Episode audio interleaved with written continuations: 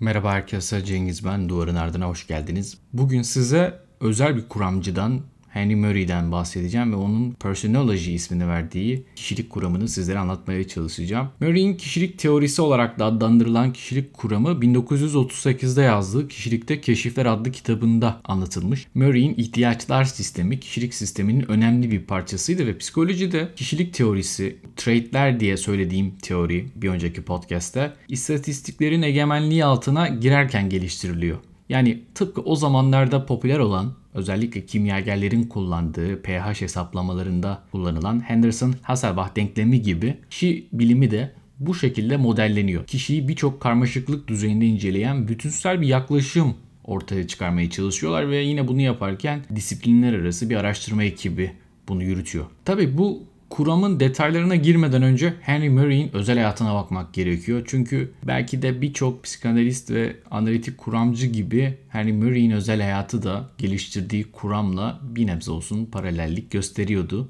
Murray'in çocukluğu anne tarafından reddedilmeyi fiziksel bir kusur için belki de Adler'in söylediği telafi unsurlarını ve başkalarının acılarına karşı olağanüstü bir duyarlılığı içeriyordu. Zengin bir ailede dünyaya gelmişti Murray. New York'ta şu anda Rockefeller Center'ın bulunduğu yerdeki bir evde büyüdü. Yazları Long Island'da sahillerde geçerken çocukken ailesine bir takım Avrupa seyahatlerinde eşlik ediyor. Ve aslında Murray'nin bu hikayesine ilk başta baktığımızda herhangi bir telafi mekanizması görmek çok da mümkün değil. Ama Murray'nin ağzından dinlediğimizde bazı hikayeler ortaya çıkıyor. Yaklaşık 4 yaşındayken aynı derecede üzgün oğlunun yanında oturan üzgün bir kadının resmine bakıyor. Bu Murray'in daha sonra tematik algılama testi olarak geliştireceği ve detaylarından bahsedeceğim bir testin belki de ilk karesiydi. Murray bu anıyı annesiyle olan duygusal bağlarının parçası olarak da hatırlıyordu ve bir anlamda ölümün göstergesi olarak düşünmüştü. Çünkü onu da annesi aniden sütten kesmişti ve zaten annesi de o kareyi onları üzen ölüm ihtimalidir diye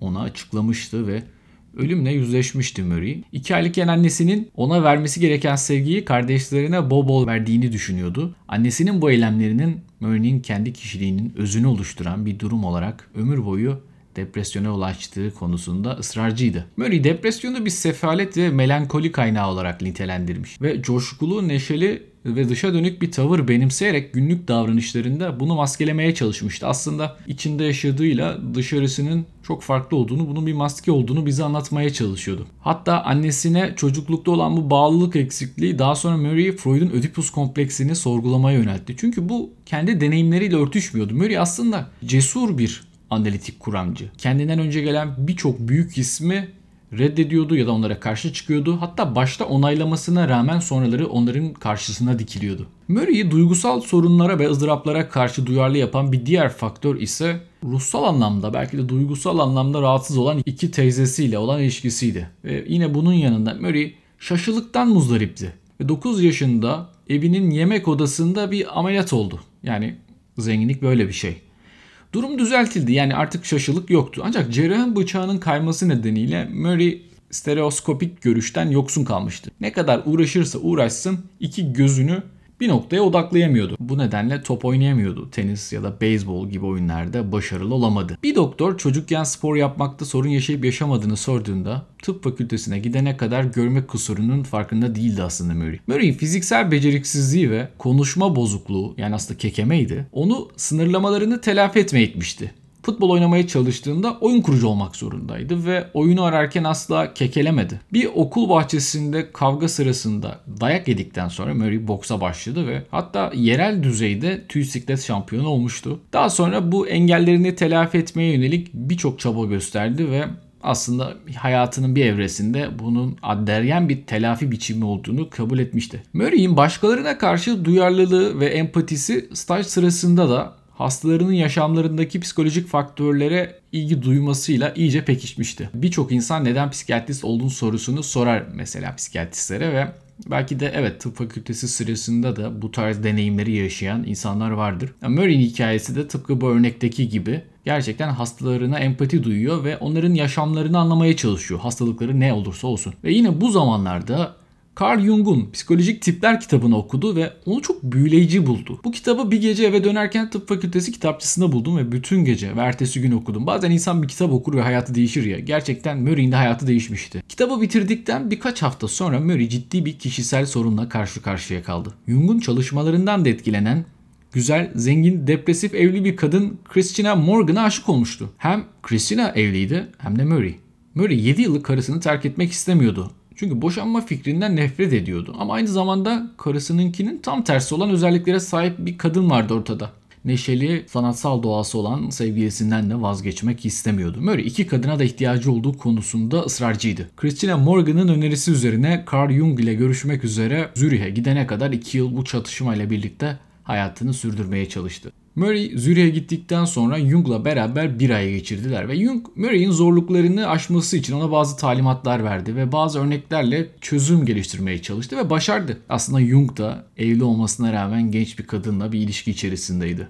Murray'e de aynı şey yapmasını tavsiye etti ve Murray sonraki 40 yıl boyunca Jung'un dediğini yaptı. Ama önce bu dramadaki başlıca aktörlerin ve yönetmenin Jung olduğu bu filme bir bakalım. Christina Morgan'ın kocasının Jung'un metresi olan Tony Wolf tarafından analiz edilmesi ortaya çıktı. Yani olayın karmaşıklığına bakar mısınız? Yani Jung'un metresi Tony Wolf, Christina Morgan'ın kocasını yani Murray'in sevgilisi olan ama Murray de evli, Christina da evli. Kocasını Jung'un metresi analiz edecekti. Tamam peki yani Jung buna karar vermişti. Buna ek olarak Jung da Christina ile onun tuhaf rüyalarını ve bir takım hayallerini analiz ederek saatler geçirdi.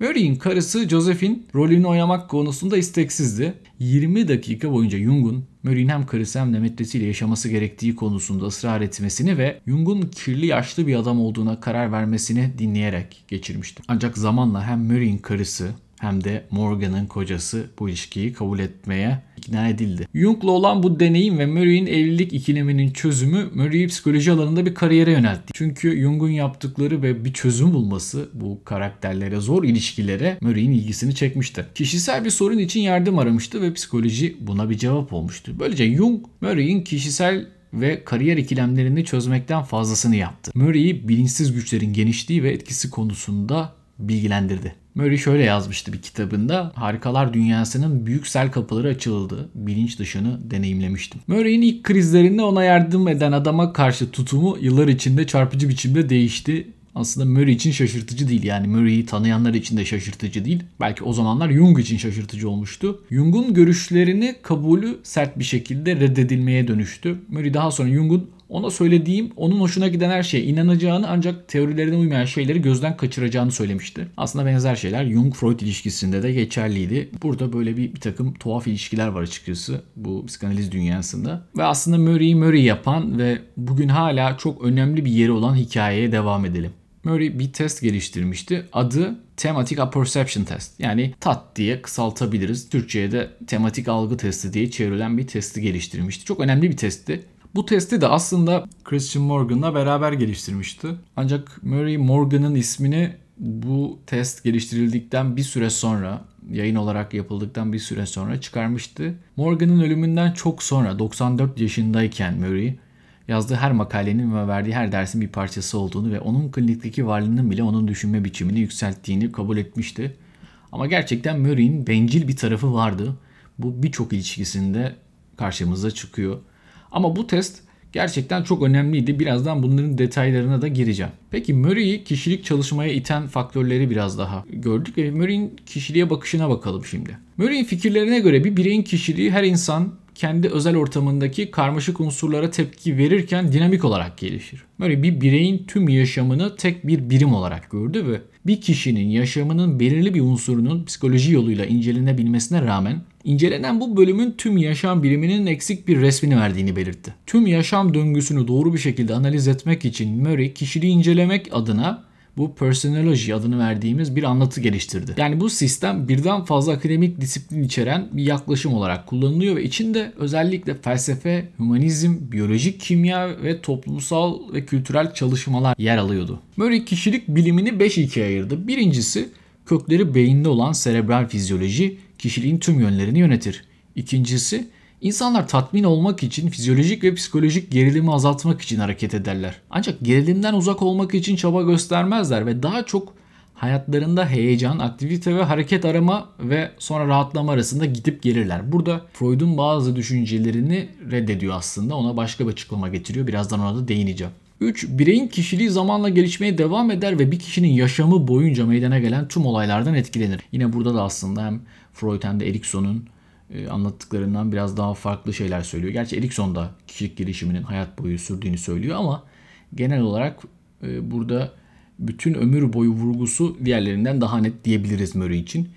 Ve kişilik sabit değildir ve değişebilir ve gelişilebilir. Önemli bir yer Murray'in kişilik kuramında. Ve bence de yine çok doğru olan 5. maddesi her insanın bazı benzersiz özellikleri ve herkes tarafından paylaşılan özellikleri vardır diye söylüyor. Murray'in kişilik teorisinin kökenleri psikanalize dayanır ve bu personolojinin ana işi ve amacı bireyin mevcut davranışlarını açıklamak için geçmiş yaşam deneyimlerini yeniden inşa etmektir. Murray kişiliği incelemek için bilinç dışı malzemeyi gün ışığına çıkarmak adına serbest çağrışım ve rüya analizini kullandı. Bazıları Murray'in kişilik teorilerini sorguladı. Ondan sonra gelen psikiyatristler, psikologlar. Bazıları da onun kuramını genişletti. Murray'in kişilik teorisi birçok yönden Freud'unkine benzese de onun insan doğasına ilişkin imajı oldukça farklıdır. Hayattaki nihai ve gerekli hedef Freud için örneğin gerilimi azaltmaktır. Ama Murray bunu farklı bir perspektiften ele alıyor. Murray'e göre amacımız gerilimden uzak bir hayat değil. Gerilimi azaltmak için hareket etmekten elde edilen tatmindir. Özgür iradeye karşı determinizm meselesine Murray kişiliğin ihtiyaçlarımız ve çevre tarafından belirlendiğini de savundu. O bize değişme ve gelişme kapasitemizde bir miktar özgür irade verdi. Yani kişilik değişebilir, sabit değildir vurgusu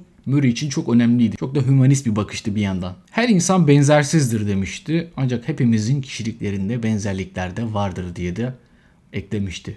Murray kalıtsal özelliklerimiz ve çevremiz tarafından şekillendirildiğimize inanıyordu.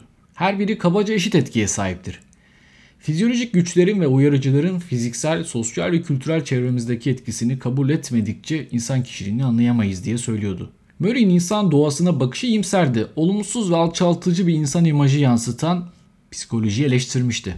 Muazzam bir yaratıcılık, hayal gücü ve akıl gücümüzle karşılaştığımız her sorunu çözebileceğimizi savunuyordu ve ayrıca yönelimimiz büyük ölçüde geleceğe yöneliktir. Murray çocukluk deneyimlerinin mevcut davranış üzerindeki etkisini fark etmesine rağmen insanları geçmişin tutsakları olarak tasavvur etmedi. Burada biraz daha psikanalizden ayrılmıştı. Evet çocukluk kompleksleri bilinç dışında gelişimimizi etkiler ancak kişilik aynı zamanda mevcut olaylar ve geleceğe yönelik istekler tarafından da belirlenir. Bence burası çok çarpıcı. Büyüme ve gelişme yeteneğine sahibiz. Ve bu büyüme insan olmanın doğal bir parçasıdır. Rasyonel ve yaratıcı yeteneklerimiz de değişebilir ve toplumumuzu da yeniden şekillendirebiliriz. Birçok zor insan, yani tırnak içinde zor insan diye söylüyorum. İlla ki kişilik patolojisi olması gerekmez. Patoloji olmadan da hayatımızı zorlaştıran, kendi hayatlarını da zorlaştıran pek çok insanı düşündüğümüzde içlerinden bir taraf bunun değişemeyeceğine inanmakta. Ve hatta çevresindekileri de buna inandırmakta. Ama Murray bütün bu psikanaliz etkisinde oluşuna rağmen çocukluk deneyimlerinin gücünü kabul etmesine rağmen hala iyimserdi. Yani hala değişebilirsin. Çünkü hala gelecek var ve hala mevcut olayların etkisi altındasın. Yani bugün değişmeye başlarsan yine değişirsin. Bir yerde değişirsin diye söylüyordu. Peki Murray'i yine özel yapan şeylerden bir tanesine değinelim. Murray gerçekten ilginç bir adamdı ve bu ilginçliğini hayatının her anında bize gösteriyordu. İkinci Dünya Savaşı yıllarına gidelim. Murray enteresan bir şekilde CIA'nin öncüsü olan Stratejik Hizmetler Ofisi için bir değerlendirme programı yönetti. Amacı tehlikeli durumlarda düşman hatlarının gerisinde görev yapan casus ve sabotajcı olarak hizmet edecek kişileri seçmekti. Bugün belki çok fazla Amerikan filminde gördüğümüz bir tema. Bu stratejik hizmetler ofisi için pozisyonları belirlerken potansiyel adaylarla bazı görüşmeler yaptı ve çeşitli konuları kapsayan Rorschach ve TAT projektif testlerini kullanmaya başladı. Onlara bazı anketler verdi. Onlara bazı testler verdi. Ölçekler verdi. Ayrıca adaylarla işte karşılaşmayı bekleyebilecekleri deneyimleri simüle eden bir takım stresli durumlar yarattı ve onları bu testlere soktu bu testler sırasında davranışlarını yakından gözlemledi. Böyle bir test adayın belli bir süre içinde bir nehir boyunca köprü kurmasını gerektiriyordu. Hiçbir plan sağlanmadı ancak kişiye kendisine yardım etmesi için bir grup işçi görevlendirilmişti. Bu şekilde adayın yaratıcılığı, doğaçlama yeteneği ve liderlik becerileri test edilecekti. Ve aday hüsrana uğradığında buna karşı tepkisini belirlemek için de içerideki adamlara bazı görevler verilmişti. Onlara işbirliği yapılmamasını, onu sabote etmeleri, onu kızdırmaları gibi şeyler söylenmişti ve bu sayede adayların bu durumlardaki duygusal tepkilerini gözlemleyebiliyorlardı. Ve belki bugün CIA'in dünyanın en başarılı istihbarat servislerinden birisine dönüşmesinin temelini atan kişi Henry Murray'di. Tabii Murray'in bu başarısı sadece istihbarat servislerinde kalmamıştı. İş daha da ilerlemişti. Sonuçta kapitalist bir sermayenin içerisindeydi. Amerika'daydı ve aslında kişiliğin işlevsellik adına ve çalışılan kurumdaki verimin artması adına çok önemli bir şey olduğunu fark etmişlerdi ve Murray de bunu anlayan adamdı. Geliştirdiği bazı testlerle, bazı simülasyonlarla. Bu sayede iş dünyasında da gelecek vadeden liderleri, yöneticileri seçmek için yaygın bir yönteme dönüşmüştü bu yöntem. Ve aslında en başta böyle bir araştırma kapsamında başlayan, geçici olarak bir anlamda denenen şey iş dünyasının kalıcı bir yöntemine dönüşmüştü. Murray'in geliştirdiği bu teste tekrar yakından bakalım. Tematik algı testi önemli bir test demiştim. Toplamda 30 tane kart var. Kartlarda belli temalar resimler halinde veriliyor. Kartların bir kısmı sadece erkekler için bir kısmı da sadece kadınlar içindi. Burada danışanın resme bakarak bir hikaye anlatması isteniyor. Aslında Murray sadece kişilik bozuklukları için bunu geliştirmemişti. Hatta kişilik bozukluğu için de değil, gayet insanların kişiliğini anlamak için, tanımlamak için geliştirmişti. Ve kişi için önemli unsurlar, sorunlar bu testlerde öne çıkar ve kişi muhtemelen benzer bir tema yakalar. Eğer hayatıyla ilgili yolunda gitmeyen bir şeyler varsa ya da zorlandığı yerler varsa. Peki bu test ne işe yarıyordu aslında? Murray'in en baştan beri söylemeye çalıştığı şeye yarıyordu. Kişinin bütünsel olarak ele alınmasına yardım ediyordu.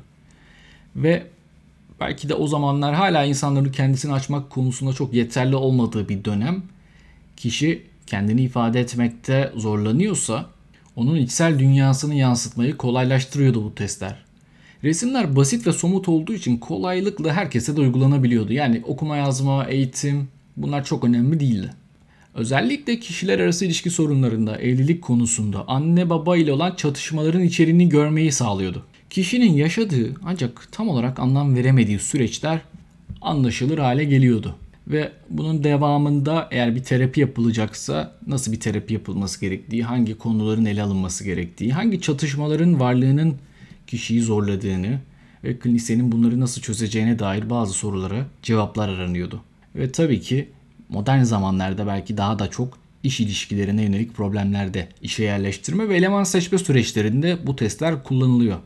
Ve bir yerden sonra bunları genel bir analize soktuğunda nevrotik mi, narsistik mi, borderline mi, psikotik mi gibi dört tane temel kişilik yapısının altına Murray bu testle insanları koymaya çalışıyordu.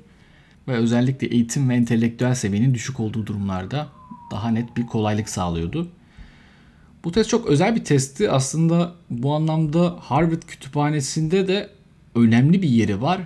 Harvard University Press için en çok satan kitap bu olmuş. Yani bu TAT dediğimiz tematik algı testi en çok satan kitap olmuş ve hatta işte Murray'in Morgan'ın ismini yazmadığı kitap ama sonradan da herhalde yaşlılıkla beraber o iç muhasebeyle beraber Morgan'a da hakkını teslim ettiği çalışma Harvard Kütüphanesi'nin en çok satan kitabı olmuştu. Henry Murray kendi kişiliği, yaşamı ilginç olan ama kişilik analizi dediğimiz belki de bir kimyager gibi analiz ettiği bu süreçle beraber bugün iş dünyasını, istihbarat servislerini birçok anlamda değiştiren ve hem Freud'a hem Jung'a kafa tutan ve bildiğim bildik diyen bir adamdı ve bugün onun hikayesini ve onun kişilik kuramını sizlere anlatmaya çalıştım. Buraya kadar dinleyen herkese çok teşekkür ederim. Kendinize iyi bakın. Hoşçakalın.